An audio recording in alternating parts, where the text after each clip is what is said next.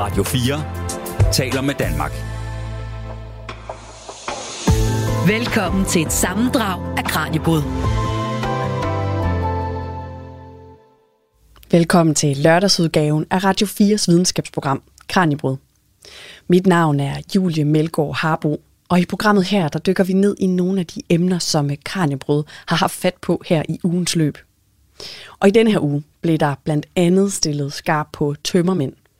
For efter de fleste af os måske har fået støvsuget glimmerresterne op fra mellemrummet mellem gulvbrædderne og er kommet os efter nytårets fejring, så kunne man øh, måske trænge til at få lidt mere viden om, hvorfor tømmermændene egentlig føles så tunge, som de gør, om øh, det er rigtigt, at de bliver værre med alderen, og hvad den bedste tømmermandskur egentlig er.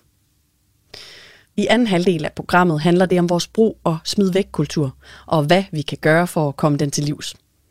For selvom det ikke er alle, der tror på en nytårsforsæt, så kunne vi, specielt her i Vesten, altså med fordel lige kigge vores egne forbrugsvaner efter i sømne, og se om der måske var rum til forbedring i det nye år. Om vi øh, kunne smide lidt mindre ud, og måske vende tilbage til at reparere lidt flere af vores ting i stedet. Du lytter til Radio 4. Og til at begynde med skal det altså handle om øh, tømmermænd her i programmet. For øh, Kranjebrudsvært Peter Løde dykkede nemlig ned i, hvorfor vi får de øh, symptomer på tømmermænd, som vi gør, og hvad der faktisk virker, hvis man gerne vil af med dem igen. I løbet af de klip, vi skal høre, kommer det både til at handle om, hvad videnskaben faktisk ved om, hvad der virker mod tømmermænd. Om der virkelig er nogle øh, mirakelkurer derude, som man kan benytte næste gang, man er ramt. Men vi kigger også på alkoholens rolle i det danske samfund, og på hvorfor øh, den har så stor en betydning, når vi danskere skal fejre noget.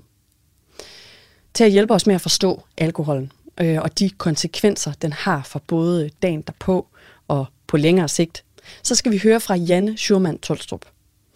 Janne er professor i epidemiologi ved Statens Institut for Folkesundhed på SDU, og hun har altså forsket i alkoholen og dens effekt. Til at begynde med sætter Janne os ind i, hvad tømmermænd overhovedet er for noget, og hvorfor vi oplever netop de symptomer, når vi har fået en for meget på en festlig aften. Så tømmermænd, det er sådan et syndrom, altså det er defineret ved symptomerne, som, øh, som, som er til stede eller ikke til stede. Og der er omkring en, øh, en 12, 14, 16, hvad skal man sige, anerkendte øh, symptomer, som kan indgå under den medicinske betegnelse tømmermænd. Og det er jo også noget som at være træt eller apatisk eller øh, at være sådan lidt rystende, og man sveder, og det kan være hjertet banker, og, øh, og så er det det, som man måske klassisk mest tænker på, altså har ondt i hovedet eller, eller kvalme. Ikke? Og så er det faktisk også noget, som vi ikke taler så tit om i Danmark, men øh, ens humør kan også være påvirket dagen efter.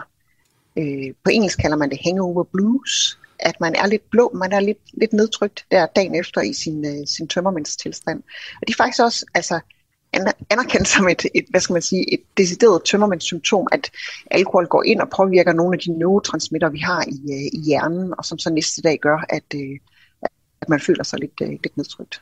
Men hvad er det, der, der forårsager alle de her både sådan fysiske og, og, og psykiske skavanker, hvis man kan sige det på dem? Altså, hvad er det, alkoholen gør ved os? Hvad er det, alkohol ikke gør, havde jeg nær sagt. Alkohol er sådan et lille molekyle, og, og øh, kemisk har den de egenskaber både at kunne opløse sig i vand og i fedt. Og det er vigtigt, fordi at det der med at kunne øh, opløse sig i fedt, så kan alkohol simpelthen hvad skal man sige, gennemtrænge i princippet alle kroppens organer, og også, øh, også hjernen for, øh, for den sags øh, øh skyld. Ikke? Og så er der mange, mange andre effekter af, af alkohol. Eksempelvis der påvirker alkohol frigivelsen af det, der hedder antidiuretisk hormon, som er med til at regulere kroppens øh, vandbalance. Så øh, hvad skal man sige, populært sagt, så bliver nyrerne sådan lidt mere øh, gennemsigtighed, jeg sagt, men det giver ikke nogen mening.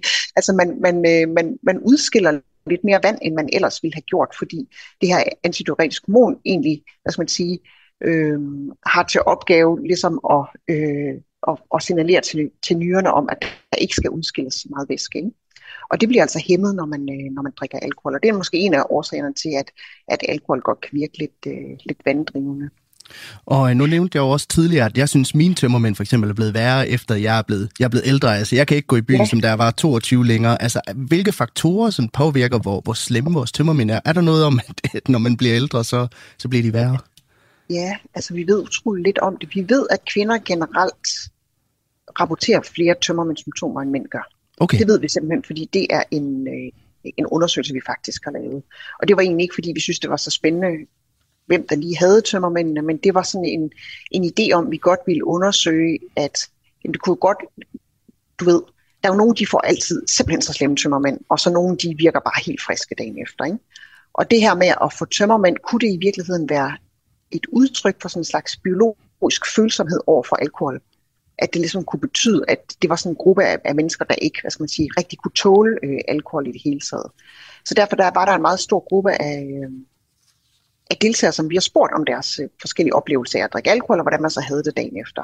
Og der er det meget, meget systematisk. Kvinder rapporterer alle de her forskellige øh, former for øh, symptomer på tømmermænd i højere grad, end, øh, end mænd gør. Ikke? Men hvad er det, der er for spil der? Ved vi noget om, om har det noget med størrelse, øh, øh, vægt, noget i den stil at gøre? Ja, det er, jo, det er jo et godt spørgsmål, og kvinder har jo generelt en mindre kropsstørrelse end, øh, end mænd.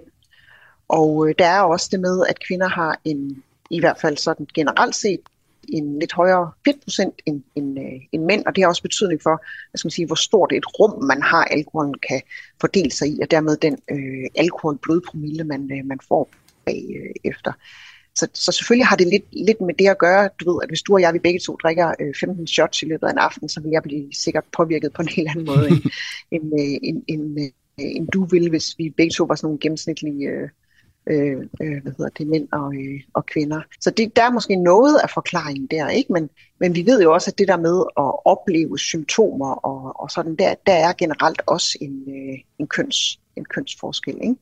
Vi prøvede faktisk også at studere det der med, øh, med alder, og, øh, og det vi ret tydeligt kunne se, det var, at for et givet alkoholindtag, så jo ældre man øh, var, jo færre symptomer rapporterede man faktisk.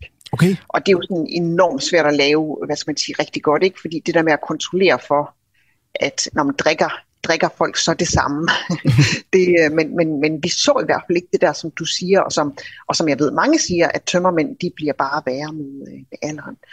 Altså jeg har selv sådan en hypotese om, altså da jeg var, øh, da jeg selv var, øh, var 20, der, der havde jeg godt tid til, eller tid til, jeg, jeg var i hvert fald også indstillet på, at hvis jeg var til en stor fest, øh, lørdag aften, jamen, så kostede det også søndagen. Altså, så var det netop det, som nogle af de her folk også siger, ikke noget med at gå på Burger King og ligge på sofaen og, øh, og et eller andet.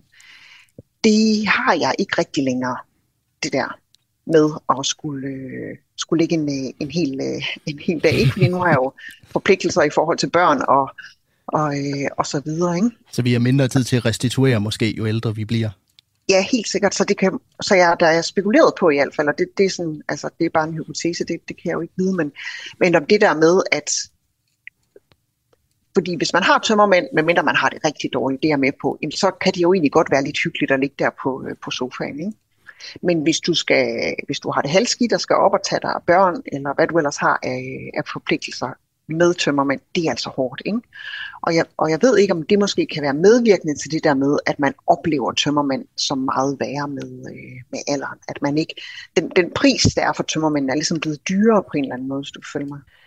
Så, øh, så altså, vi, vi, det var ikke verdens bedste undersøgelse, vi lavede der, fordi det, øh, men, men vi så i hvert fald ikke, ikke nogen tegn på, at det blev værre med alderen på, øh, på den måde der. Du lytter til Radio 4 inden vi kaster os over og se på, hvad videnskaben egentlig siger, der virker, så øh, lad os tage nogle af de her husråd under lidt kærlig behandling og se på, om der rent faktisk er noget at hente i, i nogle af dem. Altså, den første, jeg godt kunne tænke mig at komme ind på, det er en, som mange måske kender fra festivaler. Det er nemlig reparationsbejeren. Altså, selvom øl måske ikke lige er det, man har mest lyst til dagen derpå, så er der nogen, der bruger det til at komme ovenpå igen efter en, efter en hård aften. Er det, er det en god idé sådan at, at begynde at drikke flere øl øh, dagen efter? Nej, det, det, det er svært at se det fra en, hvad skal man sige, en sundhedsmæssig vinkel, og så synes, at det er en, øh, det er en god idé. Og det der med en reparationsbajer, det er jo også noget, altså det stammer jo oprindeligt fra, fra hvis man har så højt et alkoholforbrug, at man, på, man i nogen grad i hvert fald oplever abstinenser, når man er holdt op med at, øh, at drikke. Ikke? Og der er det klart, det at drikke øh, noget mere alkohol, mm. det lindrer jo de abstinenser, man, øh, man, har, øh, man har fået. Ikke? Men, øh, men ellers er der nok ikke ret meget godt at, øh, at sige om det. Og det er også, hvis man, så, så tømmermænd kan opleves ekstremt forskelligt fra person til person. Det kunne vi også sagtens se i vores undersøgelse. Der, ikke? der er nogen, der får ondt i hovedet, mm. og der er nogen, der får rigtig meget kvalme, ikke? og måske kaster op dagen efter. Og i hvert fald, hvis man har det sådan, som sådan, så, har, så er det nok meget svært at få den der øl ned, og det er også meget svært at forestille sig, hvad, hvad også, altså argumentet for, at det skulle være en, øh, en, god, en god idé. Ikke? Så man kan sige, at man tilfører egentlig bare mere gift til en, en forgiftningstilstand? Ja. Noget andet, som folk peger på, det er jo det her med elektrolytter. Altså noget, der efter sine i hvert fald skulle hjælpe med at, at rehydrere kroppen. Gi- giver det mening? Hænger det sammen, at det kunne, det kunne have en, øh, gøre en, en bemærkelsesværdig forskel? Nej, det tror jeg simpelthen ikke. Altså det er måske... Øh... Jeg har godt hørt mere og mere om de der elektrolytter. Jeg må indrømme, at jeg har faktisk ikke fået kigget, øh, kigget ordentligt ind i det. Men jeg er 90% sikker på, at det er noget, der lyder godt, men, men vi ikke vil kunne måle nogen effekt af. Hvad med de her kaktuspiller så? Det synes jeg, man hørte meget om for et par år siden, det her med, at de skulle også hjælpe på det. Altså, ved vi noget om det? Sikkert. Ja, der, der er i hvert fald blevet lavet nogle små forsøg, og der er ikke sådan rigtig god øh, evidens på det. Jeg har faktisk også selv haft, øh, på et tidspunkt fik jeg tilsendt sådan nogle kaktuspiller af en af producenterne. Sikkert fordi de håbede på, at så kunne det være, at jeg ville reklamere lidt, øh, lidt for det. Og jeg tog dem også med øh, en, aften, jeg skulle, øh, en aften, jeg skulle ud. Og det, der jo var lidt sjovt, i hvert fald med de her kaktuspiller, det ved jeg ikke, om det er generelt, man skulle jo tage en jeg tror det var, var det en pille i timen, samtidig med, at man drikker. Og så skulle man tage det med et helt glas vand. Øhm, så det skulle ligesom forebygge tømmermændene. Det var i hvert fald de der ja. piller, som jeg havde til, til test. Ikke? Og der tænker jeg, at øh, der er jo ret meget øh, af effekten, som måske kan ligge i det her med, at man øh, får drukket et glas vand i timen. Ikke? Ja. Og der er jo også et eller andet med, at hvis man hele tiden skal holde øje med, hvornår er der, eller var det en var det en pille per genstand? Jeg husker det ikke rigtigt, men det var i hvert fald sådan noget, man ligesom skulle holde øje med, mens man, øh, mens man drak og indtage det løbende. Og der er jo også et eller andet i det der med, at hvis man, mens man sidder og drikker drinks eller øl, eller hvad man drikker, sådan hele tiden skal, du ved, skal være bevidst omkring, hvor mange genstande har jeg drukket, og hvor lang tid der er nu gået, og så skal man have en pille og noget, og noget vand og sådan, ikke? Altså, det, det, det kan jo også være, at der ligger et eller andet i det, som, mm. som fordrer til, at man udviser lidt modhold i forhold til, hvis man ikke sidder og holder øje med de her øh, de her piller. Men altså, det, øh, du siger også, det har du hørt om for nogle år siden, og, og der må jeg faktisk give dig svar skyldig. Jeg synes ikke, jeg ser det længere, eller hører så meget om det øh, mere. Det kan være, at elektrolytterne er blevet de nye kaktuspiller. Men det er vel også, jeg tænker rent videnskabeligt, at det er vel også et, øh, et punkt med de her, de her, øh, de her piller og, og, og forskellige øh, elektrolytter og den slags. Altså det er vel enormt svært at isolere, om det er dem, der har en effekt, eller om det er en eller anden variabel. Det kan jo også, altså de svinger jo også enormt meget i forhold til, hvornår man gik i seng, hvornår man stod op, hvad, hvad ja. man lige drak på aftenen og sådan noget. Altså det er vel enormt svært at isolere og sige, jamen det er faktisk dem, der har gjort en reel forskel. Helt sikkert. Og, og, og især det der med, der er mange, øh, som, som siger det der med fast food. Man får lyst til at spise noget fedtholdigt, noget salt. Ja, fordi det var nemlig og, det næste, jeg tænkte, vi skulle tale om. Det var nemlig det her med ja. fast food, burger, chips og den slags. Altså, øh, som mange jo nævner i, i vores vokspåvæg, at det er det, de tyrer til dagen derpå. Altså, ja. ved, har det nogen effekt overhovedet? Det, det, har, det har der simpelthen ikke nogen gode målinger af, men noget man ved, det er sådan inden for altså søvn, søvnforskning, at øh, hvis du har sovet dårligt, hvis du er træt, hvis du har søvnunderskud, så har man mere lyst til den slags mad, øh, end man ellers, øh, ellers ville have. Ikke? Mm. Og det kan jo i virkeligheden godt være det, der gør, at man får den der trang, fordi tit hvis man har haft sådan en, øh, altså en virkelig aften ude og fået en, øh, en hel del genstande, så har du heller ikke sovet særlig godt. Dels har du måske kommet sent i seng, og så er der det her med, at alkohol faktisk påvirker din søvnkvalitet. Din søvnkvalitet er ringere, øh, når, du har, når du er alkoholpåvirket. Så den øh, fordeling af den tid, man er i, øh, i dyb søvn, den er simpelthen anderledes. Så det kan godt være, at man måske sover lige så langt. Det tror jeg ikke, man gør, fordi hvis man først er kommet i seng kl. 4-5 stykker, ikke? Men selvom man sover lige så langt øh, tid, som man ellers ville gøre, så, så har man simpelthen ringere søvnkvalitet. Og jeg spekulerer lidt på nogle gange, om det er det, der gør, at man har den der trang til noget, øh, til noget fast food dagen efter. Fordi der ved vi i hvert fald, at det er der ret god evidens for, at det har søvnunderskud, og så valg af, hvad skal man sige, af, af fast food. Og nu talte vi også tidligere om, hvad det er, der forårsager tømmermænd, og, og gør, at vi har det skidt dagen efter. Altså, spiller den her dårlige søvn, og det her med, at vi måske også går, går ind og går rundt og har et, et søvnunderskud, altså, spiller det også en rolle i forhold til det, tror du? Det tror jeg helt sikkert, det gør. Det tror jeg. Altså prøv at tænke, hvor, hvor ved siden af sig selv man kan føle sig, hvis man øh, uden at have drukket, måske var kommet i, sted, i seng klokken, hvor den var 3, 4, 5 om natten, og bare havde sovet de der øh, øh, fire timer eller, eller et eller andet. Ikke? Så mange af de ting, man oplever i sin tømmermandstilstand, det handler også om, at man er, at man er træt. Ikke? Og så er der mange, som jo siger, at jeg får kun tømmermænd, hvis jeg drikker øh, drinks, eller jeg får kun tømmermænd, hvis jeg drikker rødvin, eller et eller andet. Ikke? Der er jo også masser af hypoteser omkring, hvad man skal drikke for at undgå at få, øh, få tømmermænd. Og noget, man sådan siger lidt, lidt populært, det er, at lyse drikke, altså sådan noget som vodka eksempelvis, det giver mm. ikke så mange tømmermænd som nogle mørke drikke, altså sådan noget overgangsrum eller, eller et eller andet. Ikke? Og ideen skulle, det skulle være, at i det mørke, jamen, der er altså også andre stoffer ud over alkoholen, som kroppen ligesom skal nedbryde, og der kan være nogle nedbrydningsprodukter, så man får det, øh, får det dårligt af.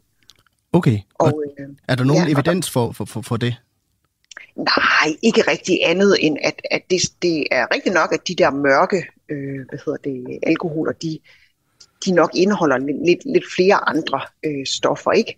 Øh, og, og måske nogle øh, øh, aldehyder og, og, og whatnot, et eller andet. Jeg, jeg tror ikke, det, altså evidensen er, er ret spinkel. Og i, du ved, der findes jo også en skrøne, der hedder, når hvis man blander alkohol, så får man flere tømmermænd, end hvis man bare holder sig til én type. Og det har vi faktisk testet i studie, som, øh, som næsten lige er blevet publiceret, hvor vi havde øh, 40, øh, det var simpelthen sådan en, en faktisk en stor konference, vi var, eller sådan en kursusuge, vi var afsted på.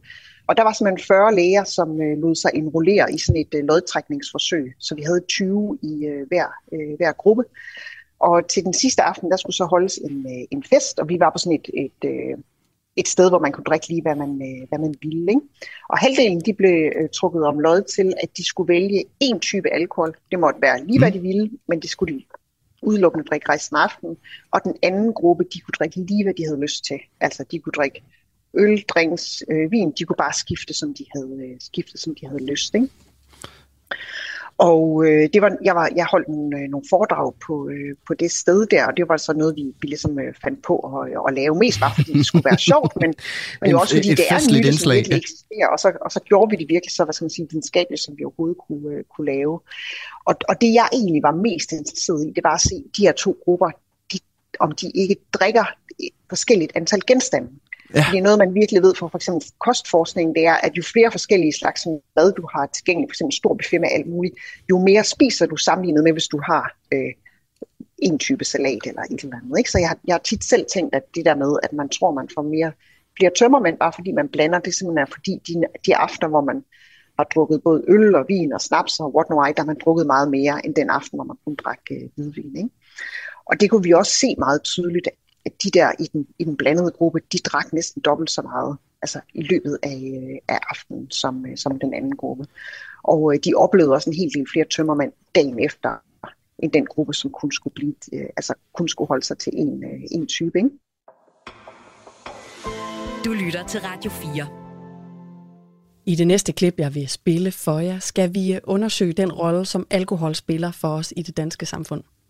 Og den er ikke så lille.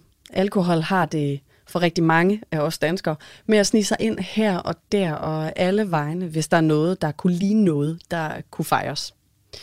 Så hvordan og hvornår er det, vi bruger alkoholen? Og hvilken betydning øh, har den for os danskere? Det fortæller professor i epidemiologi Janne Schurman Tolstrup her. Jamen, den har alkohol har stor betydning.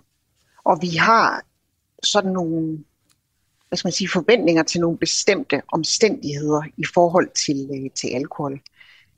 Et eksempel kan være, at vi mm. bruger alkohol rigtig meget, når vi ikke kender hinanden. Det kan være, hvis du begynder på et, øh, et nyt studie, så holder man jo sådan nogle, øh, nogle ruskurser for at blive øh, introduceret til hinanden. Og der har alkohol været et, øh, et ret fast øh, element i, øh, i det. Vi har simpelthen sådan et, øh, hvad skal man sige, sådan et manuskript inde i hovedet for, hvordan det der med at drikke sammen, mm. det gør, at vi bliver fortrolige med, øh, med hinanden. Ikke? Og det vil også virke med, øh, med dig og mig, hvis vi sætter os ned i aften og deler en flaske vin eller et eller andet. Der er selvfølgelig noget i alkoholen, der gør, at man rent biologisk set slapper mere af, men der er også noget sådan psykologisk forventning til, at hvis du og jeg sidder og drikker et glas vin sammen, at jamen, så er der noget, hvad skal man sige, fortrolighedsopbyggende og relationsdannende i det i, øh, i sig selv hvor det, at vi sad og drikke to dansk vand, det ville ikke have den samme symbolske værdi øh, for os. Men hvor stort et problem er vores alkoholforbrug herhjemme sådan for, for folkesundheden, hvis man kan sige det på den måde? Altså, det er et, øh, det er et stort problem, især ved det høje indtag. Ikke? Altså, mm. øh, der optræder mange øh, sygdomme blandt folk, der drikker meget. Øh, der er også mange sociale omstændigheder, som, øh, hvad hedder det, som, som vi kan vi kan give alkohol øh, årsagen øh, for. Børn, der vokser op hos, øh, hos en far eller en mor, der drikker øh, for meget, de, de tager langvarig skade af det. Og der tænker man måske nogle gange, om det er vel sådan nogle forældre, der sidder nede på en bodega, og, øh, og børnene bliver ikke hentet i børnehaven og sådan noget. Og det findes selvfølgelig også. Men børn, som vokser op i familier, som til synlædende er velfungerende, men hvor der også er alkoholproblemer, der ved vi, at der opstår også skade på, øh, på børnene. Du lytter til Radio 4.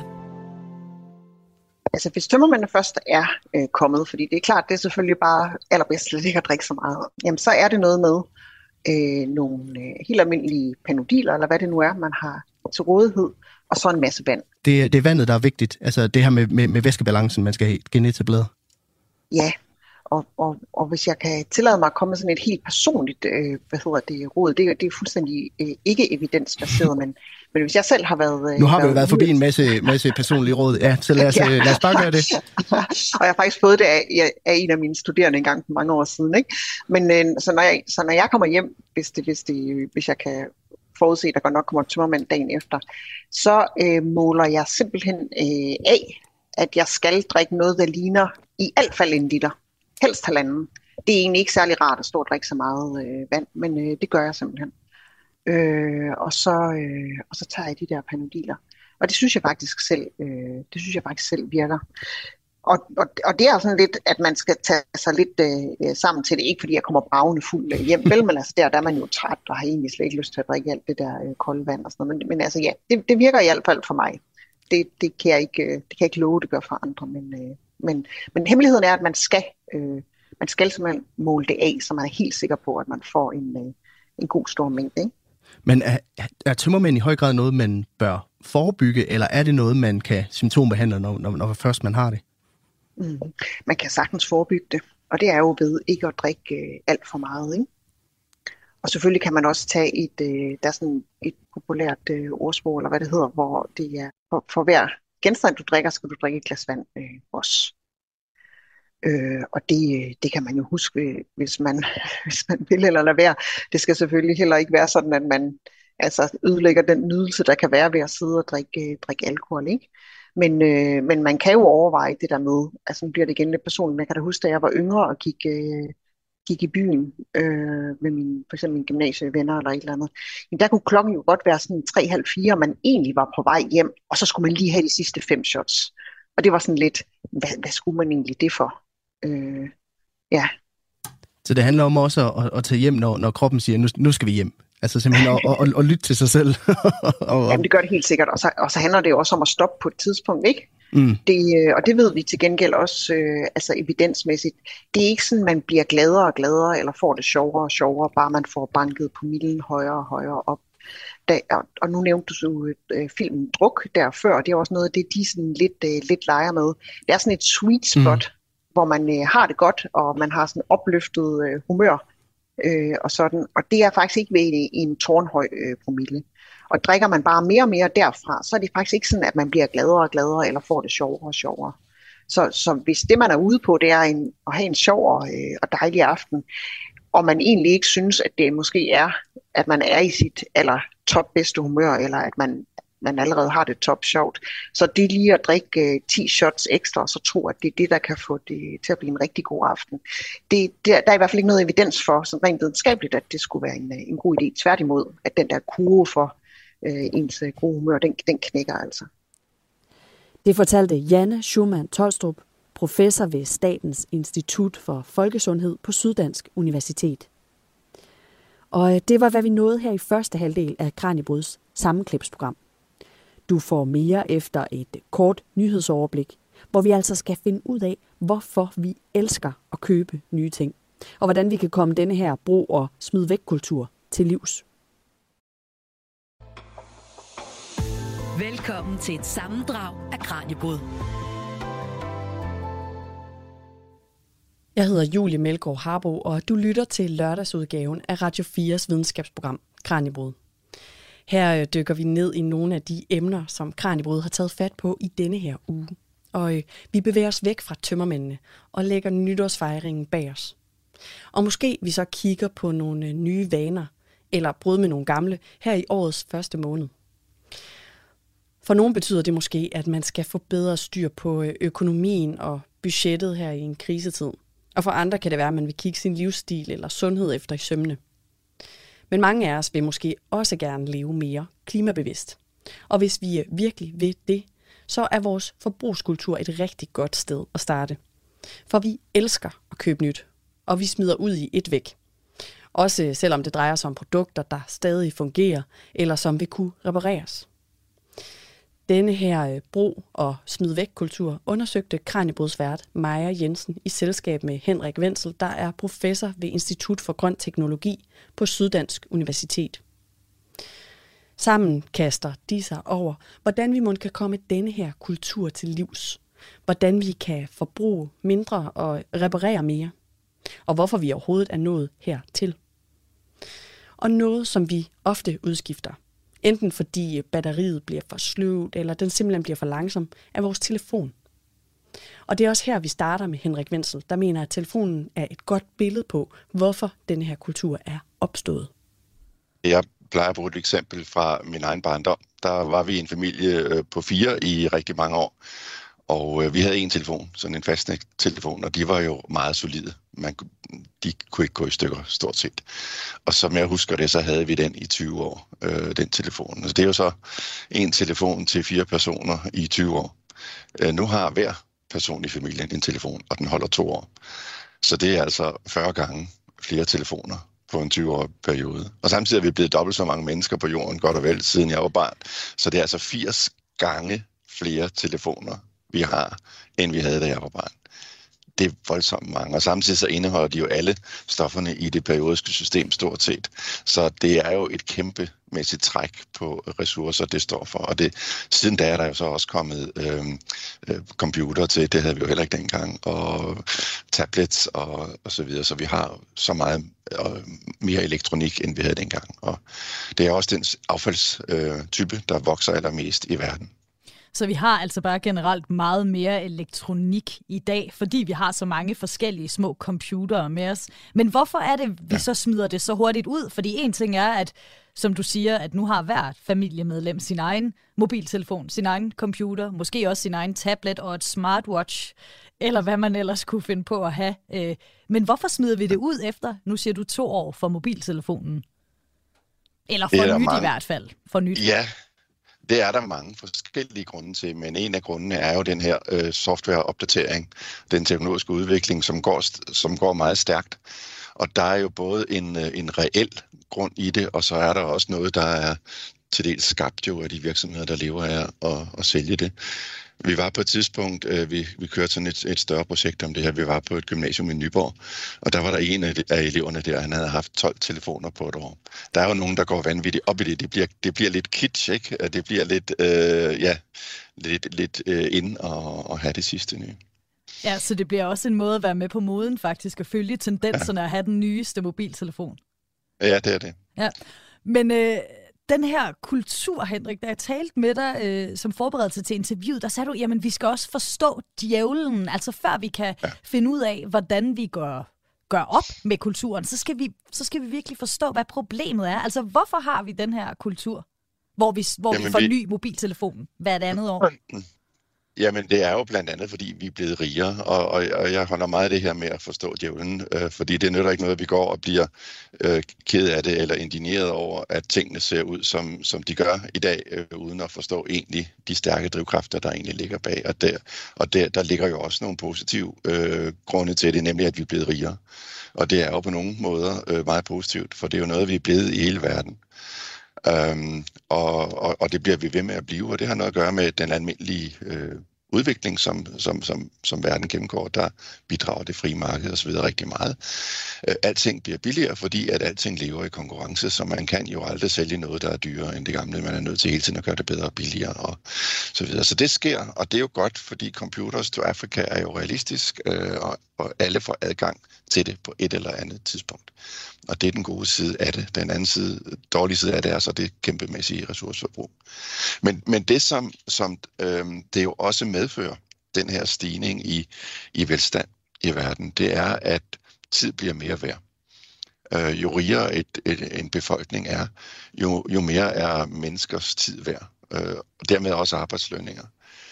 Og det er jo det at sige til det, at øh, samtidig med, at den her øh, øh fantastiske på den måde udviklingen foregår, så bliver ting også mere automatiseret. Så vi bliver bedre og bedre til at øh, producere ting.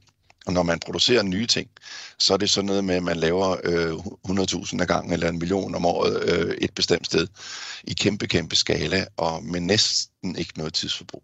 At det er jo utroligt, hvor lidt tidsforbrug der går, øh, menneskeligt tidsforbrug til at lave sådan en mobiltelefon, for det er jo robotiseret det meste. Øh, når vi så kommer, og, der, og dermed bliver det jo også en af grundene til, at det bliver billigere. Øhm, og selvom det også bliver dyrere, så er det fordi, der kommer flere og flere funktioner ind i det. Nu er der jo kamera i telefonen og, så, og sådan nogle ting. Så, øhm, men men, øhm, men det, det modsatte er jo tilfældet, når vi skal reparere ting. Øh, når man pludselig står og skal have repareret noget, så skal man hen og have fat i en reparatør, som også har en høj timeløn. Øh, og er det en øh, støvsuger eller en vaskemaskine, så ved man godt, at øh, det koster 500 kroner bare i startgebyr at få øh, reparatøren ud, og så en timeløn på 600 eller sådan noget. Så man får ikke noget for under en tusse. Og nogle gange kan du købe en, ny støvsuger til 500 kroner på et kampagnetilbud, men en ny motor til den gamle koster 700. Så, så, det, så det har noget at gøre med logistik, det har noget at gøre med, hvor smart ting bliver i ny produktion, og hvor langsomt det er øh, at reparere én enhed ad gangen. Og det, det, er jo, det er jo en udfordring, vi er nødt til at forstå, før vi græder snart over det, fordi at den skal jo også overvindes. Så er der så også nogle ting, der gør os kunstigt meget sværere ved det. Ja. Og det kan vi jo snakke lidt mere om senere hen, men der, ja, det bliver heller ikke gjort nemmere. Nej, men det vil altså også sige, at øh, de her problemer med, at, at det er reparationsprisen, for eksempel på at få øh, ny motor i sin støvsuger, øh, ja. det er og, og den enkelte materialepris for, hvis man skal have den ene nye motor til, til sin støvsuger, det er det, der, er, der bliver rigtig dyrt i, i rige lande, hvor at produktionen ja. bare kører der ud af. Ja, lige præcis. Og man kan måske også godt forstå, at øh, hvis man som privatperson står og en støvsuger er gået i stykker, at man så nogle gange bare selvfølgelig gerne vil, vil, man vil gerne gøre det billigt. Man vil godt gøre det godt for miljøet, men, men nogle gange så er det altså også rart at spare nogle penge. Ja, så er den jo fem år gammel, den der støvsuger, øh, eller hvor meget den er, når, når motoren er gået, eller når et eller andet øh, støvsugerhoved er blevet løst, eller knækket, eller hvad der nu sker. Øhm, og så når man får en ny, så tænker man, ah, okay, så, så har man måske garanteret lidt længere levetid i den, end, end hvis man reparerer den gamle. Næste gang tænker man, så er det måske noget andet, der går på den, ikke? og så, øh, så kan det svare sig at købe en, en komponent til den her støvsuger, når, når måske det er noget andet, der er gået i stykker næste år. Så, ja. så sådan tænker man jo, så, så er det bedre at købe nyt. Nogle gange er det faktisk bedre at reparere den gamle, fordi det måske var en højere kvalitet. Ikke? Der findes jo nilfisk støvsuger fra dengang jeg blev født, som stadigvæk øh, dur. Ikke? Så man kunne godt lave høj kvalitet. Ja, det er jo det. Og altså, jeg har selv for nylig stået i den samme situation, at min nålen på min pladespiller gik i stykker, og jeg fik at vide, at hvis jeg skulle have skiftet nålen, så ville den koste kun et par hundrede kroner mindre, end at få en meget nyere, og den er måske en 12-15 år gammel, den her pladespiller. Jeg kunne få en, en ny med meget bedre lyd for et par hundrede kroner mere, end at den her lille ja. bitte nål ville koste.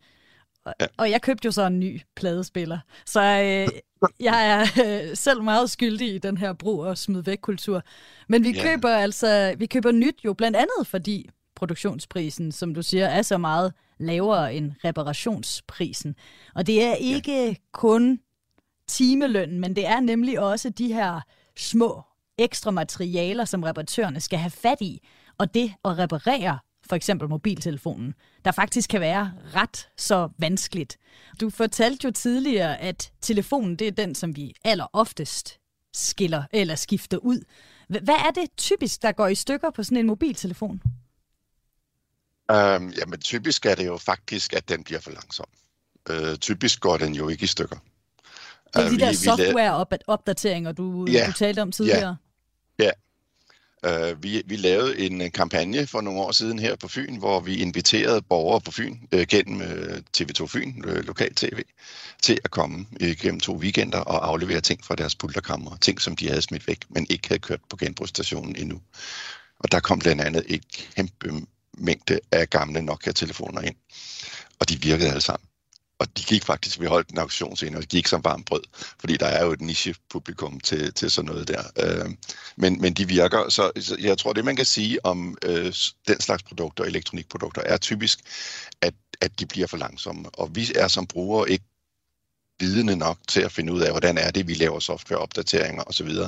Og, og skal vi endelig til det, så koster det jo, det jo også penge. Men, men der findes jo professionelle virksomheder, som kan aftage øh, de her typisk så for eksempel fra en virksomhed eller en offentlig institution, en kommune, et universitet. Øh, når man har brugt dem i tre år, så kan man godt finde på at skifte dem ud. Og så, og så kan sådan nogle virksomheder jo give dem øh, tre år mere med en, en softwareopdatering, som, hvor de faktisk er så gode som nye. Men hvis vi så indleverer vores mobiltelefon på, øh, hvis jeg går ned med den, jeg har måske smadret min skærm, eller min højtaler, den virker ikke rigtig længere. Hvad er det så for nogle udfordringer, man kan møde, når man egentlig prøver at, at reparere sin mobiltelefon, før man går ud og køber en ny? Ja, nu så møder man jo de udfordringer, som nu, nu er mobiltelefonmarkedet lidt specielt ved, at der er næsten en monopollignende tilstand. Der er en enkelt leverandør, som har en meget stor del af markedet. Øhm, og den her leverandør gør det ikke nemmere at få repareret sine ting. Fordi hvor man i gamle dage, så havde man skruet ting sammen, og så var det nogenlunde til at skille ad og sætte en ny skærm i. Så nu om stunder, der er de ganske ofte limet på. Og det kan der findes nogle argumenter for at gøre fra leverandørens side, fordi så holder det bedre, øh, men det er næsten umuligt at skille ad. Og, og endvidere så er det faktisk blevet sådan på det senere, at de lige præcis de her øh, high-end telefoner fra, fra sådan en leverandør, øhm, at der er hver eneste komponent i dem faktisk mærket med sådan en ID-chip, sådan en identifikationschip. Så hvis man, hvis man har øh, skærmen er gået i stykker, og man skal have en ny, så det kan man faktisk ikke sætte på fra en tilsvarende telefon. Selv en fuldstændig identisk telefon af nøjagtigt samme mærke og model, kan man ikke skifte en skærm over øh, til, de, til den, der er gået i stykker, i stedet for den, der er gået i stykker. Fordi at den har en helt, helt unik ID per telefon. Så man skal købe en ny fra leverandøren. Og den kan koste et par tusind. Ikke? Bare for en skærm. Ja, og det er jo sådan noget, som privatperson står jeg og tænker, hvordan kan man få lov til det? Altså det lyder jo virkelig som noget fusk, men det kan man jo så sige, at det er, fordi man sætter kvaliteten som det allerøverste. Det er jo en, en, en traditionel øh, debat, kan man sige, imellem øh, lovgivere, der ønsker at kunne gøre ting reparerbare, og så virksomheder, der siger, jamen af hensyn til produktets kvalitet og det frie marked og frihandel øh, og beskyttelsen af vores know-how osv., så, så, så gør vi altså det, fordi at det hele spiller sammen, og for at sikre den bedst mulige kvalitet af den samlede telefon, så skal det være sådan. Og et eller andet sted, så passer det jo nok ikke. Altså, fordi man har jo selv fra den samme leverandørs side gjort det anderledes tidligere. Øhm, det er nok en debat, man kan have meget længe med, mellem de parter, men, men øh, jeg tror også på, at det kommer til at gå den vej, at man, man skal have mere standardisering øh, af de her ting. Og standardisering er et nøgleord, sådan at man netop kan udskifte komponenter fra et produkt til et andet. Typisk er der kun én komponent, der går i stykker. Øhm, noget så banalt som støvsuger, der er det ganske ofte øh, røret, der sidder fast på slangen, eller støvsugerhovedet, der bliver forløst, eller, eller cracker, og så er det enormt bøvlet at få fat i en reservedel til det. Øh, og, og, øh, og hvis man bare og der er ikke noget, der passer sammen. Altså, der er ikke noget, noget som helst fra en støvsuger, der passer på en anden. Der er stort set nærmest bevidst fra producenternes side lavet forskellige diameter af rørene og forskellige konus. Øh, nogle er ovale, nogle er cirkulære. Og, så der er ingenting, der passer på hinanden. Øh, hvis der bare var det, så var det jo relativt nemt at give sin støvsuger nogle flere år på banen. Øh, men, men det er altså temmelig bøvlet. Og, og det er det er der, man skal sætte ind politisk, lovgivningsmæssigt og sikre noget standardisering. Og så noget som ladestik kan jo være forskellige. Nu, nu bliver Apple vist tvunget til at bruge det samme ladestik øh, som andre, ikke? Men, men øh, det er jo helt åndssvagt, at vi skal købe en, en lader til hver eneste gang, vi har en, en ny model. Så, så det er også noget, der skal standardisering. Så standardisering er et nøgleord for ja. at sikre bedre, øh, længere levetid og, og reparerbarhed af tingene. Ja, men der er sådan nogle af de her ting, som du har fortalt om. For eksempel det her med at, at lime øh, mobiltelefonen sammen, i stedet for at skrue delene ja. sammen, og, og generelt gøre det svært at, at reparere øh, mobiltelefonerne. Det er sådan noget, jeg vil sige, det er lidt i en gråzone. Du siger bare, det kommer an på, hvis side af historien man hører, om det, om det ja, lyder præcis. lidt som noget, ja, om det lyder lidt snyd, eller om det, det lyder øh, reelt nok. Men ja. jeg kan også huske noget, som, som vil jeg sige, overhovedet ikke er i en gråzone. Nemlig for nogle år siden, der var sådan en sag om printere, der stoppede med at virke efter, jeg kan ikke huske, om det var to-tre år, og at det var som om, de var designet til at have en kort levetid. Der er vel ikke nogen gråzone her, Henrik. Det må man ikke, vel? Mm, nej, nej, og den historie kender jeg selvfølgelig også. Øh, og, og, og det kan man jo sige, det er snyd. Øh, på den anden side, så, så, som jeg nævnte, Nilfisk, de kunne lave støvsuger for øh, 60 år siden, øh, som stadig holder i dag. Og man er jo ikke, den know-how omkring materialekvalitet, den er jo ikke blevet mindre på de 60 år. Øh, så man ved jo godt, hvor lang tid et, et støvsugerhoved eller et rør på støvsugeren holder, hvornår det begynder at, at blive bøjeligt og løst, eller hvornår det, det cracker, fordi det bliver for, for skørt. Øh, det ved man jo godt. Så man ved jo udmærket, hvor længe de holder. Øh, og og, og så, man, så man, man kan kalde det planlagt øh, forældelse, øh, eller man kan bare sige, at selv på trods af, at man ved det, så, så, så laver man det altså ikke anderledes. Og så kan man jo fra virksomhedernes side sige, at øh, jo, men hvis man vil betale for en højere kvalitet, så kan vi sagtens lave det, og så kan man pege på et produkt, der står over i hjørnet, som er virkelig høj kvalitet og også koster kassen. Og, og der, der holder det helt sikkert, kan man måske så påpege, og det er også rigtigt. Men det bliver jo en samlet forretningsstrategi for sådan nogle virksomheders side, fordi det er jo de færreste, der køber de allerdyreste produkter. Øhm, og, og det er jo ikke sådan, at de der holdbare materialer og den måde at lave komponenterne på, koster tilsvarende mere øh, som, som berettiger det der meget dyre produkt. Sådan er det jo ikke. Så man kunne jo sagtens, hvis man ligesom blev motiveret til det lovgivningsmæssigt, så kunne man jo sagtens sikre en væsentlig længere holdbar, holdbarhed af de forskellige komponenter i produkterne. Så det er simpelthen fordi, at hvis en støvsugervirksomhed for eksempel lavede en støvsuger, der simpelthen bare holdt hele livet igennem, måske nærmest flere generationer, jamen så vil de heller ikke have et særligt godt indkomstgrundlag. Det er faktisk det, er det, det handler om. Jo, det er det jo et eller andet sted, fordi sådan nogle store virksomheder, nu om stunder, så, så bliver virksomheder jo også større og større, og har større og større andel af, af verdensmarkedet øh, for, for nogle typer produkter. Ikke? Så de har jo en kæmpe know-how og, og, og kompetence. Men hvis man nu lige ser på den side på, øh, på øh, elektronik for eksempel, sådan som også lovgivningen er strikket sammen i øjeblikket, der har, findes der noget, der hedder producentansvar. Og det er jo egentlig øh, fra starten positivt, fordi en, en producent af elektronik har ansvaret for det samme produkt, når det er smidt væk. Det vil sige, når vi afleverer det ned på genbrugsstationen, så ejes det faktisk af producenten. De har så lavet nogle datterselskaber, som tager sig af det øh, og håndterer det på en forsvarlig måde. Og motivationen ved det her, det var jo, at øh, man skulle sikre, at affaldet blev håndteret godt. Og det gør det også til en vis grad, fordi materialerne i det bliver øh, meget vid udstrækning sikret genanvendelse. Det er sådan, at så, så vi afleverer det de her buer ned på genbrugsstationerne. Dem, øh, dem kender vi alle sammen. Og derfra bliver de kørt øh, til en virksomhed, som, som kværner det. Det hedder en shredder på godt dansk. Øh, og så bliver det kværnet i små stykker, og så bliver materialerne sorteret ud og genanvendt. Og metallerne, de almindelige metaller, de bliver genanvendt næsten 100%. Plastikken, det er faktisk kun de omkring halvdelen, der bliver genanvendt. Og sjældne jordarter og sådan noget andet noget der, det går helt tabt. Men, men, men øh, funktionen i produktet forsvinder jo fuldstændig. Det kommer i en kværn. Og, og, og når jeg lige nævner det her, så er det fordi, vi talte lidt om forretningsmodeller. Ja. Og vir- virksomhedens økonomiske interesse. Og man kan jo dårligt forestille sig noget, der er rent økonomisk er en bedre idé for virksomhederne, end at vi øh, bruger mere og mere elektronik, og efter to år for mobiltelefoner, så ender det i en kværn, og væk er det fra markedet, og plads til nyt er der så. Så, så sikke en forretningsmodel, vi har der med en kværn, der står for enden af sådan et kæmpemæssigt flow af elektriske og elektroniske produkter, som fjerner dem lynhurtigt fra markedet. Du lytter til Radio 4.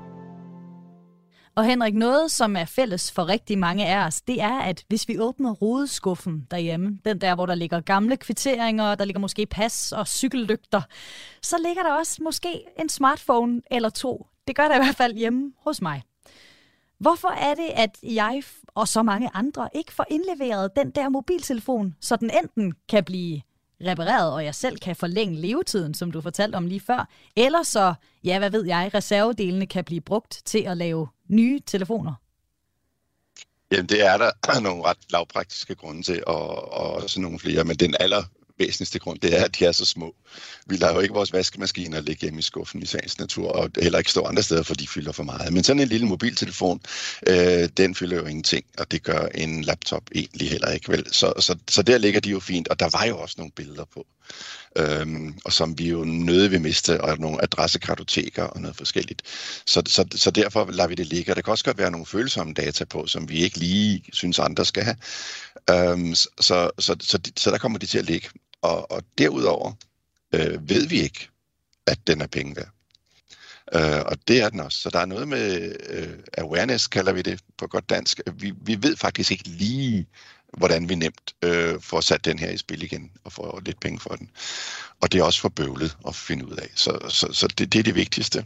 Jeg, jeg nævnte tidligere i, i vores snak her for lidt siden, at vi havde haft øh, fornøjelsen af at være på et gymnasium i Nyborg, hvor der var en masse elever. Og den ene af dem, han havde så 12 mobiltelefoner med. De var nemlig blevet bedt om at tage dem med, for at vi kunne kigge på dem. Og der havde vi en professionel reparatør med. Og der lavede vi sådan en lille sjov seance, hvor de kom op og afleverede dem, og, og den her reparatør skillede dem lige ad med sit supergrej der, og så på dem, og så fortalte han, hvor, meget, hvor mange penge de kunne have fået for dem dengang de holdt op med at bruge dem. Og der var der mange af dem, der kunne have fået 1000 kroner for deres gamle mobiltelefon, mm. eller 1000 kroners rabat på den nye, de købte. Så de gik derfra med nogle øh, fantastisk flotte lange næser, og det var jo en god oplevelse. Øh, og, og, det, og det handler meget om det. Altså folk ved ikke, at den faktisk er penge værd. Og de ved egentlig heller ikke, hvad de skal gøre af den. Men, men det der jo for nylig faktisk begyndt at komme nogle tiltag til at øh, gøre det nemmere og gøre det mere synligt, hvordan man gør. Altså det er for eksempel de her virksomheder, hvor man kan, kan købe brugte mobiltelefoner, som lige bliver ja. formateret, og så får man ja, oplevelsen af at nogle, købe en ny. Nogle af de, af de store forhandlere, altså de store øh, kæder, øh, Power og Elgiganten, der er nogen, der er gået sammen med, øh, med nogle af de her øh, returvirksomheder, øh, og genbrugsvirksomheder, øh, sådan at man, når man kommer op øh, og skal købe noget nyt i den her kæmpe butik, så, så vil der være en skranke, hvor man kan aflevere sin gamle.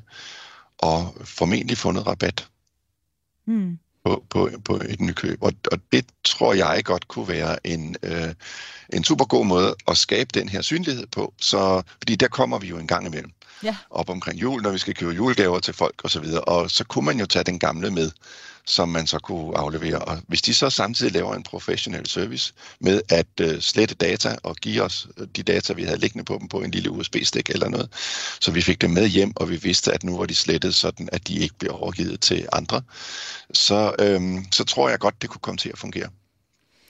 Ja, og det der faktisk er den vigtige huskeregel, øh, nu tænker jeg på den her gymnasieklasse, som, som I besøgte, det er også, at, at når man lægger den der telefon i skuffen, altså når den, når den ikke virker mere, eller man køber en ny, så indleverer den med, den, med det samme, inden Præcis. den bliver øh, altså 5-6 år gammel, og ja. ikke er noget som helst værd længere, fordi at ja. al indmaden også er outdated. Da vi lavede den her kæmpe kampagne øh, på, på Fyn, hvor folk afleverede deres elektronikprodukter, øh, der så vi også, hvor lang tid de havde ligget i pulterkammerne i gennemsnit. Og nu havde vi jo via tv opfordret dem til at komme, så de havde jo ligget der endnu længere, hvis ikke vi havde gjort det. Men der lå ting jo typisk op til 10 år i, øh, i gemmerne. Øh, ja, og hvad var det, folk indleverede? Fordi jeg kunne forestille mig, at der var rigtig mange mobiltelefoner, men var der også andet småt elektronik, som folk havde haft til at ligge i skufferne? Alt muligt, fra eltandbørster til barbermaskiner til øh, en gammel spolebåndoptager. Der kom en ældre herre på 90 år med sin gamle grundig spolebåndoptager og sit musikbibliotek af klassisk musik. Det var enormt rørende, og det fungerede jo stadig.